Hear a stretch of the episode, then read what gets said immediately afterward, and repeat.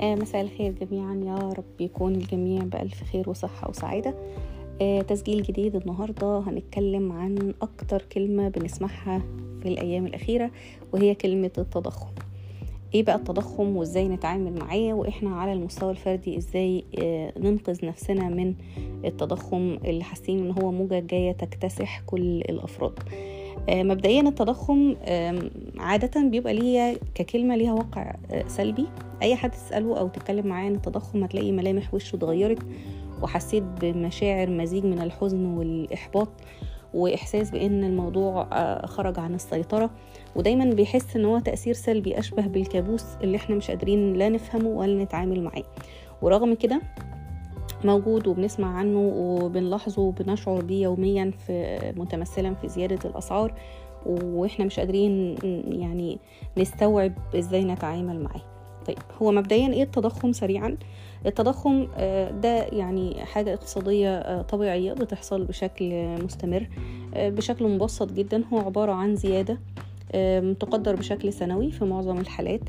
الرينج الطبيعي بتاعها أو المستوى الطبيعي بتاعها الاقتصاديين حددوه اللي هو نسبة 2% أو أقل بشكل سنوي في الأسعار الخاصة بالسلع والخدمات. لو النسبة دي حصلت فيها التضخم الطبيعي اللي هو 2% أو أقل ده يعتبر تضخم متوازن أو بيسموه balanced انفليشن وده مفيهوش أي مشكلة خالص بالعكس الاقتصاديين بيعتبروه تضخم محمود يعني أو صحي. لأن هو بيساعد في تعزيز القوى الشرائية في المجتمع وبيؤدي بالتبعيه لزيادة الأجور زيادة الإنتاج وبالتالي زيادة الأجور. التض... النوع ده من التضخم طبيعي ومطلوب وبيحصل ده العادي يعني. في أنواع تانية من التضخم هم أنواع كتير قوي بس أنا مش متخصصة في موضوع الاقتصاد أو البودكاست مش متخصص في حتة الاقتصاد مش ده الهدف من الحلقة النهارده. إحنا حابين بس ناخد عنه المعلومات العامة اللي تفيدنا إحنا كأفراد.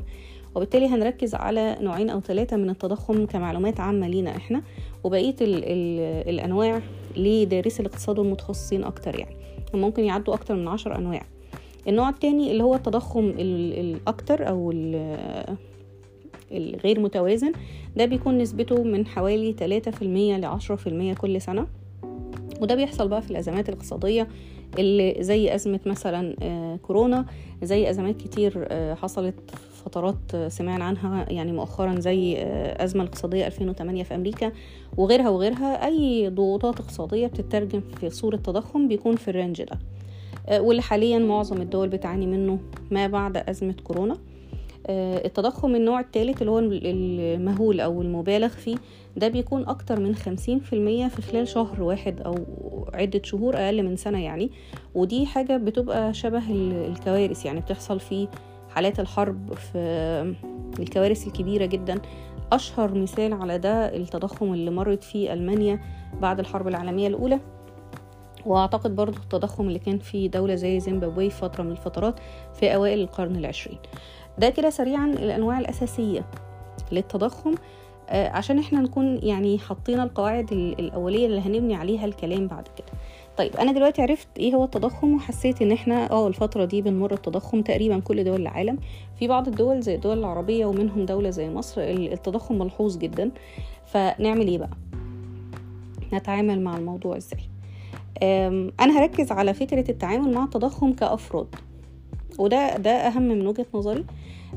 لأن مش الهدف إن الواحد يكون خبير يعني في التضخم ولا ان هو ينقذ ال ال الكون ولا الدولة في موضوع التضخم. ده مش دورنا خالص كأفراد.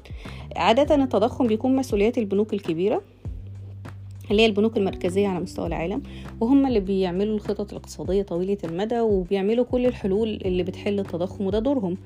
وكده كده ده الدور ده قائم وبيفعل وهيتم. إحنا فهمناه ما فهمناهوش حسينا بيه مش حسينا بيه دي دي قصة تانية خالص. مش هنفهمها أصلا دلوقتي حتى لو دخلنا في الدهاليز هي دي حاجة متخصصة جدا وإحنا كأفراد هنفضل مستنيين تأثيرها فقط فبرضه بنرجع لنفس السؤال أنا كفرد أعمل إيه؟ بتصوري الشخصي وبواقع تجربتي وأنا شايفة إن الزاوية اللي إحنا هنبص منها للحل كنجاة فردية. أو individual survival دي حاجة من الحاجات المهمة اللي إحنا محتاجين نبتدي نتعلمها ونركز عليها. في موضوع التضخم ده بالذات محتاج الشخص يكون مركز من زاوية مش ضيقة بس مركزة على فكرة النجاة الفردية لأن دي هتأثر جدا جدا على مستوى المجتمع اوتوماتيك نعمل إيه بقى؟ اللي أنا حابة أشاركه معاكم آه، النهارده ممكن يكون خمس نقط. أنا مؤمنة جدا بفعاليتهم. وأعتقد أي حد هيحاول يطبقهم هيفرق معاه جدا جدا يعني. أول حاجة النقطة اللي إحنا عملناها في مقدمة الحلقة اللي هو بعض المعلومات البسيطة عن التضخم. اقروا عن التضخم؟ افهموا إيه الكلمة دي؟ شوية معلومات بسيطة يعني مش لازم تكون متخصص أو دارس. بس يعني مهم إن إحنا نكون فاهمين إيه اللي بيحصل يعني. وإيه هو ورايحين على فين عشان ما يكونش الرعب الكامن في فكرة الكلمة نفسها كتضخم بتسبب لنا هلع كل يوم الصبح. دي دي حاجة مهمة على المستوى النفسي. الواحد عدو ما يجهل يعني الانسان عدو ما يجهل طول ما أنا الكلمة مجعلصة وكبيرة وأنا مش فاهم إيه اللي وراها أي كلام سلبي هيتقال عنها هصدقه. وهدني في خوف وهلع مستمر ويمكن يطلع ده مش حقيقي أو إن الموضوع مبالغ فيه أو مهول ودي دي اللي بنسمعه اليومين دول.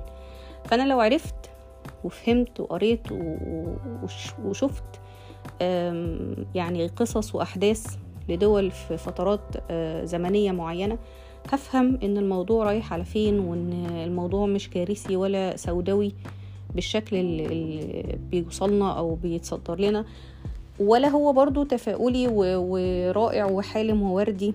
يعني في آه، جانبين هتلاقي ناس سوداوية جدا ناس متفائلة آه، وفي ناس بتهيص في الهيصة يعني اللي هو آه، دي كلمة سلبية فاحنا بنزيط في فكرة إن هي لأ ده التضخم التضخم التضخم بناخدها نغمة. وفي ناس بتلاقيها بتطنش خالص ولا كأن في حاجة بتحصل فتحسهم في كوكب مختلف موازي عن أي حد عايش معانا. لا ده مطلوب ولا ده مطلوب. شوية معرفة بيساعد الإنسان إنه يكون متزن في قراراته اليومية على الأقل وحكمه على الأمور وما بيخليش عنده الهلع في تقبل الأخبار يعني. دي أول نقطة. تاني نقطة محتاج آن الأوان ودي حاجة أنا بنادي بيها دايما ومؤمنة بيها جدا جدا. آن الأوان لما يسمى بالخطة البديلة لمصدر الدخل. أحد أهم الأسباب بتاعة التضخم هو أصلا يعني إيه تضخم؟ زيادة أسعار. مقابل ثبات للدخل أو تناقص للدخل. فبقى الفلوس اللي بتجيلي كل أول شهر أو اللي أنا متعود إن أنا بكسبها ما بتقضيش الاحتياجات اللي أنا متعود إن أنا أعيش بيها أو بشتريها. فالموضوع ببساطة شديدة جدا. أحل التضخم إزاي؟ زيادة الأسعار أقابلها بزيادة الدخل. لو أنا عملت كده مش هحس أصلا في تضخم لأن السلعة زادت جنيه فأنا مرتبي زاد اتنين جنيه فأنا حاسة إن الموضوع تمام مفيش أي مشكلة. أعمل ده إزاي؟ وأنا بشتغل نفس الشغلانة نفس الوقت أعمل مصدر دخل بديل. طب ما عنديش وقت. أو شغلي واخد كل يومي في آلاف الأفكار. يعني أنا عايزة أقول آلاف كده مش مبالغة يعني فعلا فعلا في عشرات الأفكار اللي ممكن أعمل بيها آه، خطط بديلة تساعد شوية في زيادة الدخل حتى لو بجزء بسيط. دي حاجة من الحاجات اللي أصبحت ضرورة يعني مش رفاهية صدقوني ومش حاجة اختيارية قوي في الفترة بتاعتنا. على الأقل جيلنا يعني جيل اللي هو من آه، العشرين الستين أو الحاجة وخمسين. نصيحة حاول جديا تفكر في مصادر دخل بديلة مش عارف اسأل. واسأل الناس اللي عملت التجربة دي بالفعل ونجحت فيها. يعني أنا مثلا تجربتي الشخصية أنا طبيبة وليا مصدر دخل أكتر من مصدر دخل تاني غير الطب فبالتالي أنا أقدر أفيدك في فكرة عملت ده إزاي بالنسبة لمصدر دخل معين جنب مهنة زي الطب مثلا. حد تاني كان مثلا مهندس وعمل حاجة ليها علاقة ب أي حاجة يعني أي مجال تاني فجمع بين الاتنين ونجح في الاتنين فتقدر تسأل حد عمل ده. حد كان عنده مهارة معينة أو وظف موهبة عنده الحاجة ايا كان يعني. الفكرة إن اسأل حد عمل التجربة أو عنده خطة بديلة وقدر يطلع منها فلوس. حتى لو كانت نيجاتيف انكم أو حاجات من اللي بتجيب لك فلوس وانت ما بتبذلش فيها وقت أو مجهود يعني اللي هو مشارك حد بحاجة معينة في استثمار عندك آه، أرض مثلا وبتطلع منها ريع ايا كان الأفكار محتاجة الفترة دي تشتغل على أفكار تدخل لك فلوس على عكس الفترة اللي فاتت اللي إحنا كنا شوية حاسين إن يعني إيه آه، دي حاجة اختيارية أو حاجة زيادة يعني. النقطة اللي بعد كده رقم ثلاثة من الحاجات المهمة برضو في بعض الدول اللي عندها فرق آه، في العملة كبير أو التضخم لاطت كمان موضوع العملة بتاعتها دولة زي مصر مثلا. إحنا حاسين جدا في الفترة الأخيرة في موضوع آه، زيادة الدولار قدام الجنيه المصري وبالتالي في فرق أو تضخم رهيب في الأسعار اللي هو فقط بناء على فرق العملة يعني غير الزيادة الفعلية بتاعت التضخم العادي. فلو أنت من الدول دي فمحتاج تفكر إن أنت يكون ليك مصدر دخل اللي هو plan B بعملة مختلفة عن عملة بلدك. دي حاجة برضو من الحاجات المهمة. والإنترنت دلوقتي وفر ده. يعني أنت مثلا لو كاتب أو مترجم أو عندك أي شغل بتعمله ممكن تكون دلوقتي بتعمله جوه بلدك وتقدر إن أنت تعمل ده عبر الإنترنت في بلد تانية بعملة مختلفة. فده شوية هيوازن أو هيحافظ على فلوسك أو على مصدر دخلك يحميه شوية من موضوع آه، تضخم العملة. ليه بقى؟ لأن أنت لو بتكسب سي مثلا بما يعادل خمس تلاف جنيه. خمس تلاف جنيه لو انت فضلت نفس المجهود نفس الوقت بتاخدهم الشهر الجاي مع التضخم اللي حاصل في فرق العملة كأنك بالظبط الشهر اللي بعده قبضت أربعة تلاف وهم هم الخمس تلاف بس هو كقيمة بقوا بيشتروا حاجات شبه اللي بيشتريها الأربع تلاف بعد فترة هتلاقيهم بقوا تلات تلاف وانت بتبذل نفس الساعات نفس المجهود الجسدي وبتاخد نفس الراتب بس حياتك عمالة تتقلص وعمال تحس بأزمة التضخم أكتر وأكتر.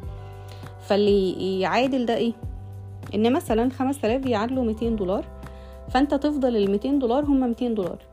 يعني يبقى يكون عندك مصدر دخل يعادل الميتين دولار. فتحس ساعتها إن كمان شهر لما الميتين دولار يزيدوا فبقوا الخمسة بقوا ستة ونص مثلا. فيبقى أنت مفيش مشكلة. أنت كقيمة هما في النهاية هما الاتنين ميتين دولار فأنت إيه؟ في الأمان. النقطة اللي بعد كده رقم أربعة. حاول تبتدي تركز على ما يسمى بالموهبة أو بالمهارة لأن دي آه، للزمن كده على جنب. ممكن تحتاجها قدام في إيه بقى؟ يعني إيه أصلا الموضوع ده؟ يعني أنا مثلا عندي موهبة أو مهارة بره خالص الحاجات الأكاديمية والعلم اللي إحنا درسناه والكارير زي ما بيقولوا. يعني سيبك من إن أنت دكتور مهندس مدرس محامي لأ دي مش اللي أنا قصدي عليه. قصدي إن أنت بتعمل حاجة شاطر فيها زي مثلا أنا بعرف أسوق كويس. أنا بعرف أعوم. أنا بعرف أطبخ. أنا بعرف أرسم. أنا بعرف أعزف. أنا بعرف أرتل. مهارة معينة أنا بعرف أعملها يعني علي مهارتك في الحاجة دي جدا في الفترة دي. وخلي ده للزمن. ليه بقول كده؟